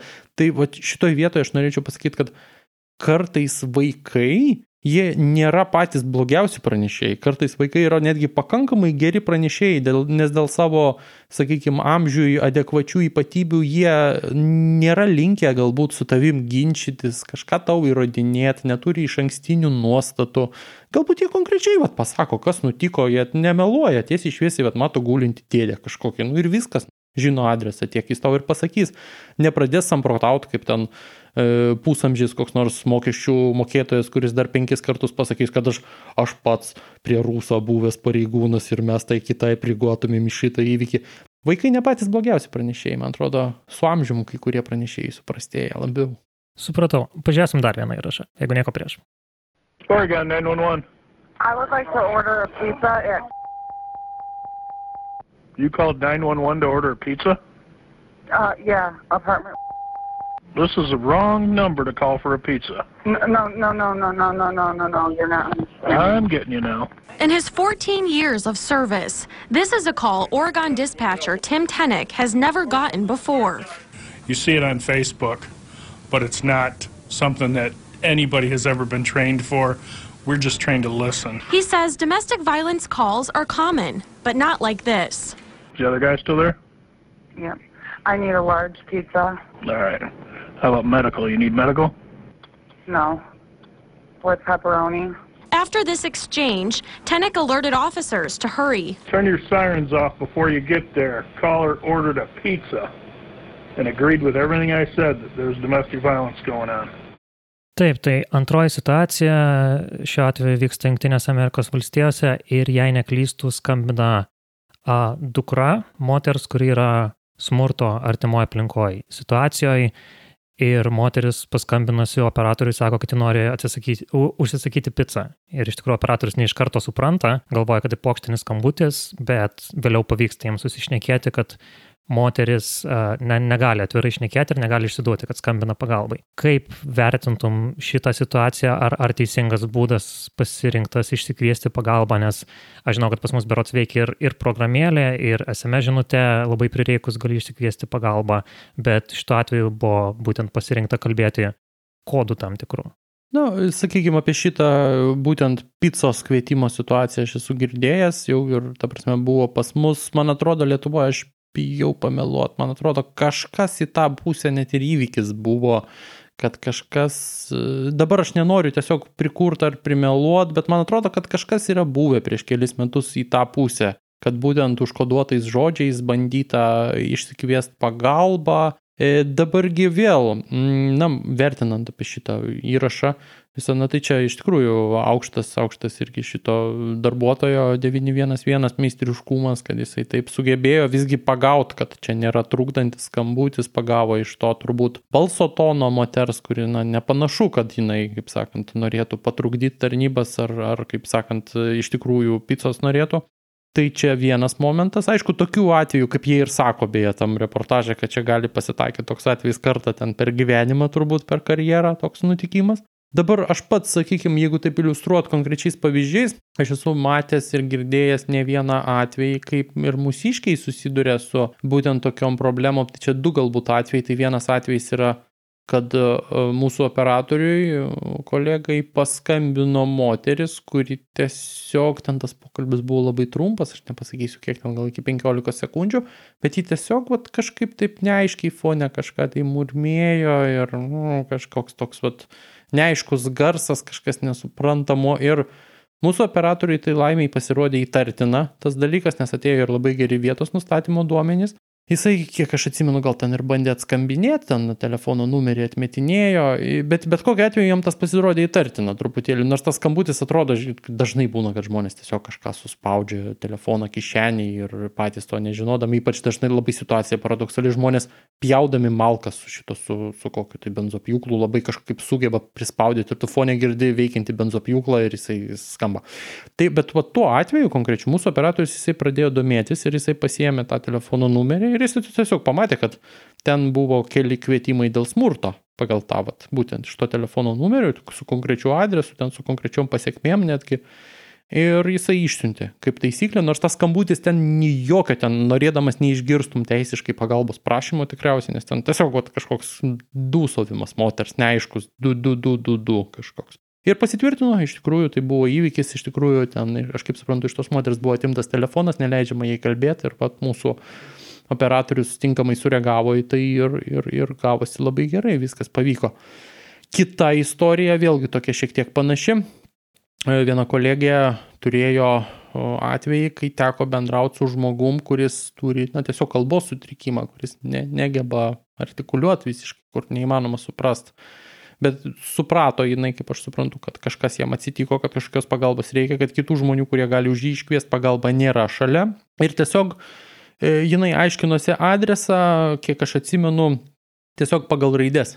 Jinai sakė, pirma raidė A ar taip, mm, jis suprato, kad kažkoks tai mm, reiškia taip, o kažkoks mm, reiškia ne. Vat ir, ir iš to, va, tiesiog va, taip paraidžiui po vieną raidę jinai susirinko adresą iš žmogaus, ten aišku truko kelias minutės tas pokalbis, kol jai pavyko tą padaryti, bet pavyko rasti ten iš tikrųjų žmogus, kuris turėjo sveikatos sutrikimą ir, ir kuriam reikėjo pagalbos. Tai va, Pas mus tokių atvejų buvo, dabar konkrečiai grįžtant prie tos picos situacijos. Na, sakykim taip, būna kartais iš tikrųjų, kad žmonės, matai, skambina ir jie nespėja pasakyti galbūt visko, ko, tu, ko, ko galbūt tau pilnai užtektų, kad suprast, kas atsitiko, bet tu bendrai iš pokalbio tono gali suprast tai, kad kažkas negero čia na, jau vyksta, kažkas jau nelabai, nelabai, nelabai gero vyksta. Beje, labai įdomų dalyką pasakysiu. Žmonės to, kai kurie nesupranta, nežino.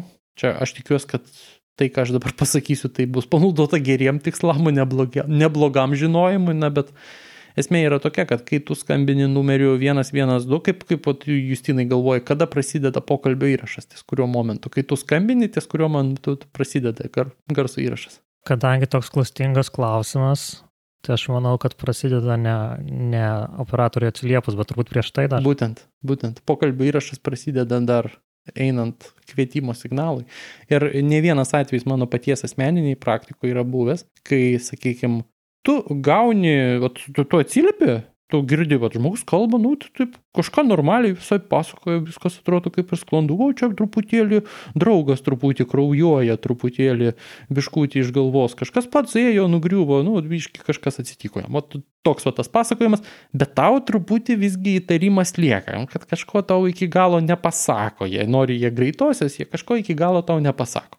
Ir tu tada pabaigęs pokalbį, paėmė ir pasiklausai visą įrašą kas buvo, ta prasme, iki to momento, kol tu atsiliepi, nes kartais tas laiko tarpas, kol atsiliepi, gali būti ir ilgesnis ir čia ne dėl to, kad tu BPC operatoriau tenais, nežinau, žaidži kortom ar geri kavą, o dėl tos priežasties, kad tiesiog visi operatoriai yra tuo metu užimti ir skambinantysis jisai stoja į eilę. Tas gali kartais ir užtrukti truputėlį tas, tas laiko tarpas ir paimi tu tą garso įrašą ir tu pasiklausai ir išgirsti, kad aha, iki to momento, kol tu atsiliepiai, jie ten tarpusavį kažką kalbėjo ir keikėsi ir kažkokiam ten trečiam asmeniu jisai sakė, a, aš jį pastumiau nuo laipto, dabar kodėl jisai guli, ką su juo man dabar daryti. Nu ir tu supranti, kad čia nėra tik greitosios įvykis, tu supranti, kad čia kažkas daugiau, kad čia yra reikalų. Tai va tas dalykas iš tikrųjų yra ir kad žmonės sugeba labai gudriai persijungti, kai jau kalba su operatoriumi, jie staiga tampa minkšti ir pukuoti ir kažką nutylė, o va, tuo laiko tarpu, kol dar renka numerį, bet jau garso įrašas eina, girdisi, kad ten yra šiek tiek, sakykime, yra ką nuslėpti. Tai va tas pasitaiko kartais pas mus.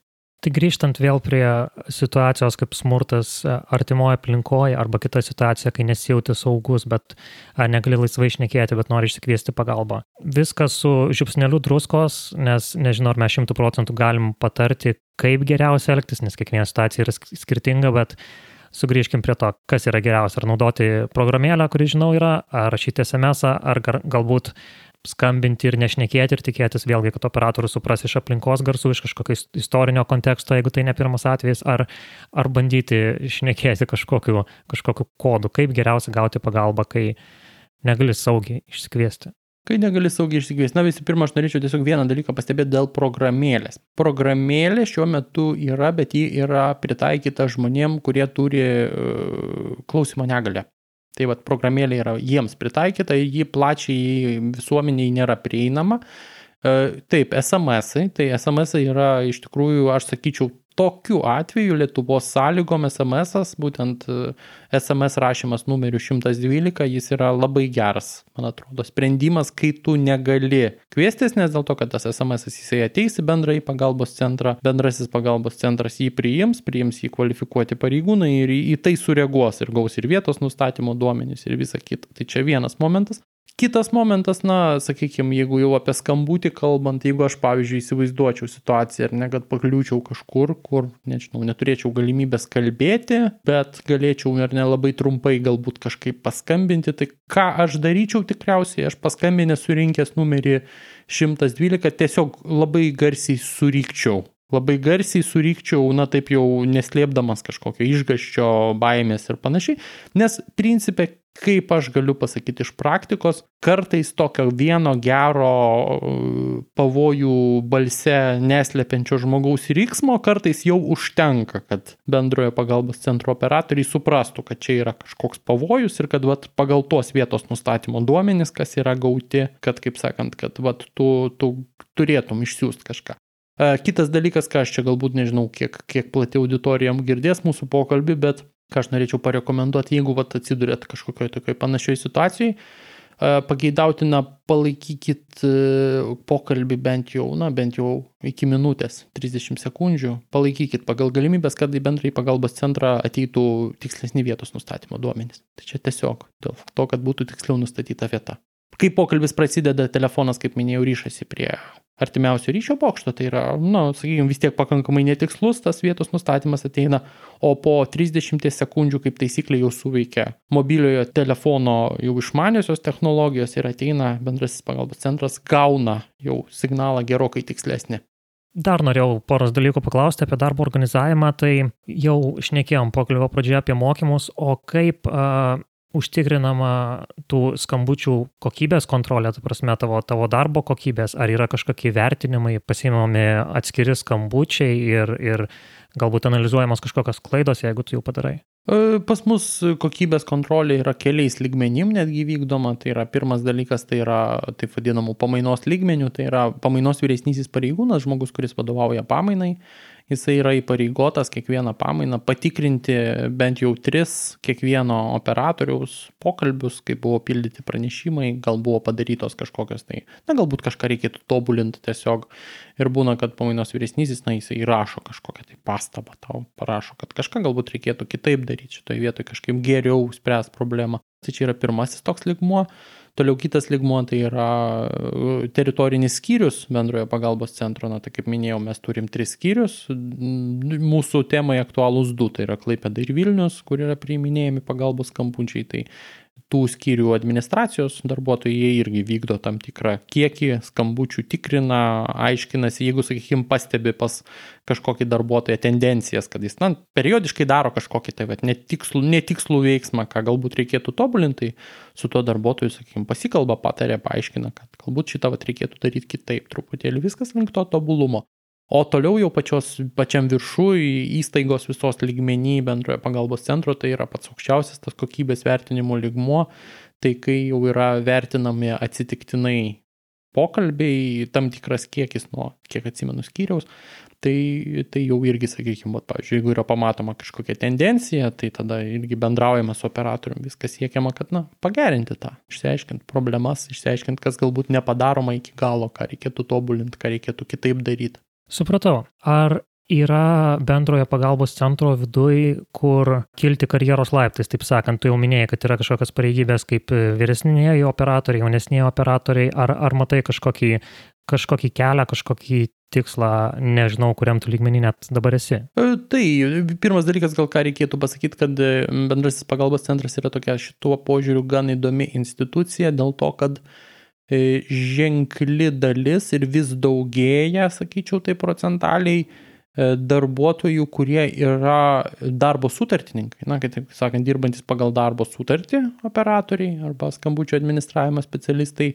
E, ir kita dalis yra statutiniai pareigūnai, tai yra kurie jau, jau yra su antpečiais, kaip sakant, su laipsniais ir kurie irgi dalis jų yra arba paprasti operatoriai, arba specialistai, tai yra tie, kas moko mokinius, arba vyresnėji specialistai, jau pamainai vadovaujantis pareigūnai, jau sakykime, viskas, kas susijęs su vadovavimu, su tokiom jau labiau labiau, kaip čia pasakyti, sudėtingesniem užduotim, tai jau yra labiau su statutiniais pareigūnais susiję, sakykime, bet didelė masė ir ženkliai vis didėja žmonių skaičius, kurie yra darbo sutartininkai, tavo, sakykime, tokia operatorių masė. Na, o administracija pas mus tai, tai yra statutiniai pareigūnai.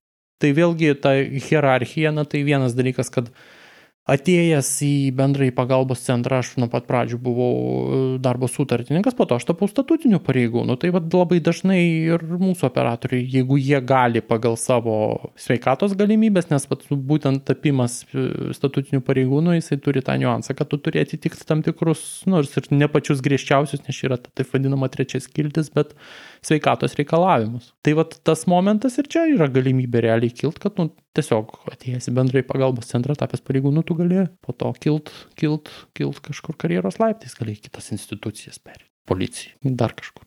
Šiaip BPC kaip, um, kaip institucija neturi kažkokių analogų ekvivalentų privačiam sektoriui. Tai yra toks viena organizacija valstybinė ir man įdomu, jeigu nuspręsi, kad nors visgi keisti savo darbą, Ar tas žinias, ar tos sugebėjimus, kuriuos dabar įgavai BPC per tos keletą metų, ar kažką iš jų, ar, ar tokius platesnius, ar konkretesnius, ar nusineštum kažkur kitur? Na, žinot, visų pirma, aš sakyčiau, kad čia yra toks vienas, manau, bet kokiam darbė, ypač kai tu dirbi ne su medžiu, metalu ar ten plastiku, e, susijęs brožas, tai yra bendravimo su žmo, žmonėmis įgūdžiai. Na gerai, paskaičiuokim labai paprastą dalyką. Sakykime, kaip BPC operatorius, kiekvieną pamainą, tą 12 valandų darbo dieną aš priimu, na, sakykime, grubiai vidutiniškai virš, nu, apie 150 ir netgi daugiau skambučių. Tai reiškia, kad vienokį ar kitokį laiko tarpą aš kasdien bendrauju, nu, maždaug su pusantro šimto skirtingų žmonių. Tie žmonės yra skirtingi savo amžium, lytim, tautybę, išsilavinimu, pažiūrom į tave, pažiūrom į visuomenę, streso lygmenių, kurį jie patiria, nu, begalybė skirtingų situacijų.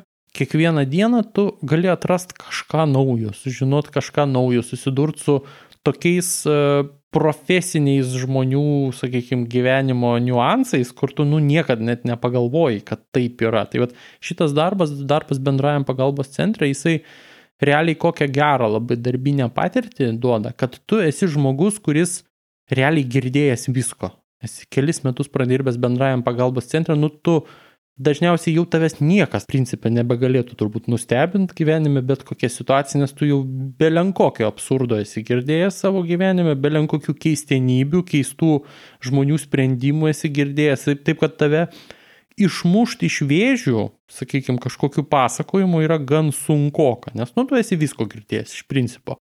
Bendrasis pagalbos centras iš tikrųjų yra labai gera vieta tiek ir tai karjerai, kurią tu gali daryti ilgą laiką, nors ir visą gyvenimą tu galėtum dirbti bendrajam pagalbos centre. Beje, e, aš ką norėčiau pasakyti, visai yra, kaip sakant, padarus ir gerbtinas darbas. Kodėl kartais net ir pats pagalvoju, kodėl ne, nes būna e, kai kurie vyresni kolegos, ar ne, jie, sakykim, žmonės galbūt tokio dar senesnės mokyklos, to, taip sakant, gal net šiek tiek dar iš sovietmečio atėjusios tradicijos, kad na yra įsivaizdavimas pa žmonės, kad vat tu, jeigu baigiai kažkokį mokslą konkrečioj srity, kad tu būtinai turi, nu, principė dirbti, save realizuoti pagal tą mokslą. Tai dažnas manęs būna ir klausia, sako, tai kaip va čia tu istorikas, va su istoriku išsilavinimu, ten vos ne mokslo daktaras be, be, be kažkiek laiko, kaip tu čia dirbi tokį darbą. Nu, Taip labai paprasta, taip pirmą man tas darbas tenkina mano gyvenimiškus poreikius kaip žmogaus, kitas dalykas gal man visai yra faina dirbti tą darbą, gal man jį patinka dirbti, nes aš nu, matau tą gyvenimą. Tai aš manyčiau, kad bendrasis pagalbos centras yra labai gera vieta kaip darbuotojui, ta prasme, kad tu gali čia ateiti, tu gali čia užsilikti ir gali tikrai ilgai dirbti ir matyti tame prasme, tame, ką tu darai. Ir kitas dalykas, net ir kaip trumpa stotelė, sakykime, žmonės, kurie kartais mėgsta tiesiog iš principo keisti darbus kas kelis metus, net ir tai yra bendrasis pagalbos centras, manau, gera vieta jiems, nes patirtis, kurią tu išsineši, tą bendravimo su žmonėm, tų tokių, sakykime, ekstremalių situacijų, dalyvavimo juose patirtis, aš manau, kad ji bet kuriam tarpe yra pakankamai vertinga. Ačiū labai dariau, kad šiandien atėjai pasišnekėti. Paskutinis dalykas, ko noriu paklausti, tai jei turi kokias nuorodas į resursus, kur žmonės galėtų sužinoti daugiau apie, apie tai, kaip reiktų elgtis skambinant BPC, arba ką žinoti, jeigu pats galvoji ateiti dirbti į BPC, arba tiesiog savo socialinės medijos profilius, jeigu žmonėms įdomu kitos tavo interesų sritys, kaip kad istorija, Na, tai kalbant apie bendrąjį pagalbos centrą, kadangi vis tiek mūsų tas pokalbis apie jį centruojasi, tai aš tiesiog norėčiau, kad jeigu žmonės pas mus, mūsų, mūsų bendrojo pagalbos centro interneto puslapį pakankamai yra gausų informacijos pateiktos populiaria forma, patrauklia visuomeniai forma, būtent apie tai, kaip reikėtų elgtis kviečiant pagalbą, kokių klaidų galbūt nereikėtų daryti, tai tiesiog į Google suveskit bendrasis pagalbos centras ir pirmasis turbūt bus mūsų institucinis puslapis, kuriame rasite tikrai daug, daug patrauklę formą pateiktos informacijos apie visą tai. Na, o kalbant apie save, tai esu kuklus pakankamai, sakykime, esu užsislaptinęs šiek tiek viešuose profiliuose, nesu labai matomas, bet e, jeigu įdomu, na, tai skaitykit portalą Bernardinai, aš ten kartais rašau apžvalgas įvairias. Ačiū tau už pokalbį ir visokiojopas sėkmės e, ir darbe, ir visur kitur. Ačiū, kad darai šitą reikalingą darbą ir tikiuosi dar susitiksim kažką. Ačiū, ačiū, buvo labai smagu. Jei iškilo pavojus, skambinkite numeriu 112 o jei reikia neskubios medicininės konsultacijos numeriu 113. Linkiu, kad skambinti tektų kuo rečiau. Iki kito karto.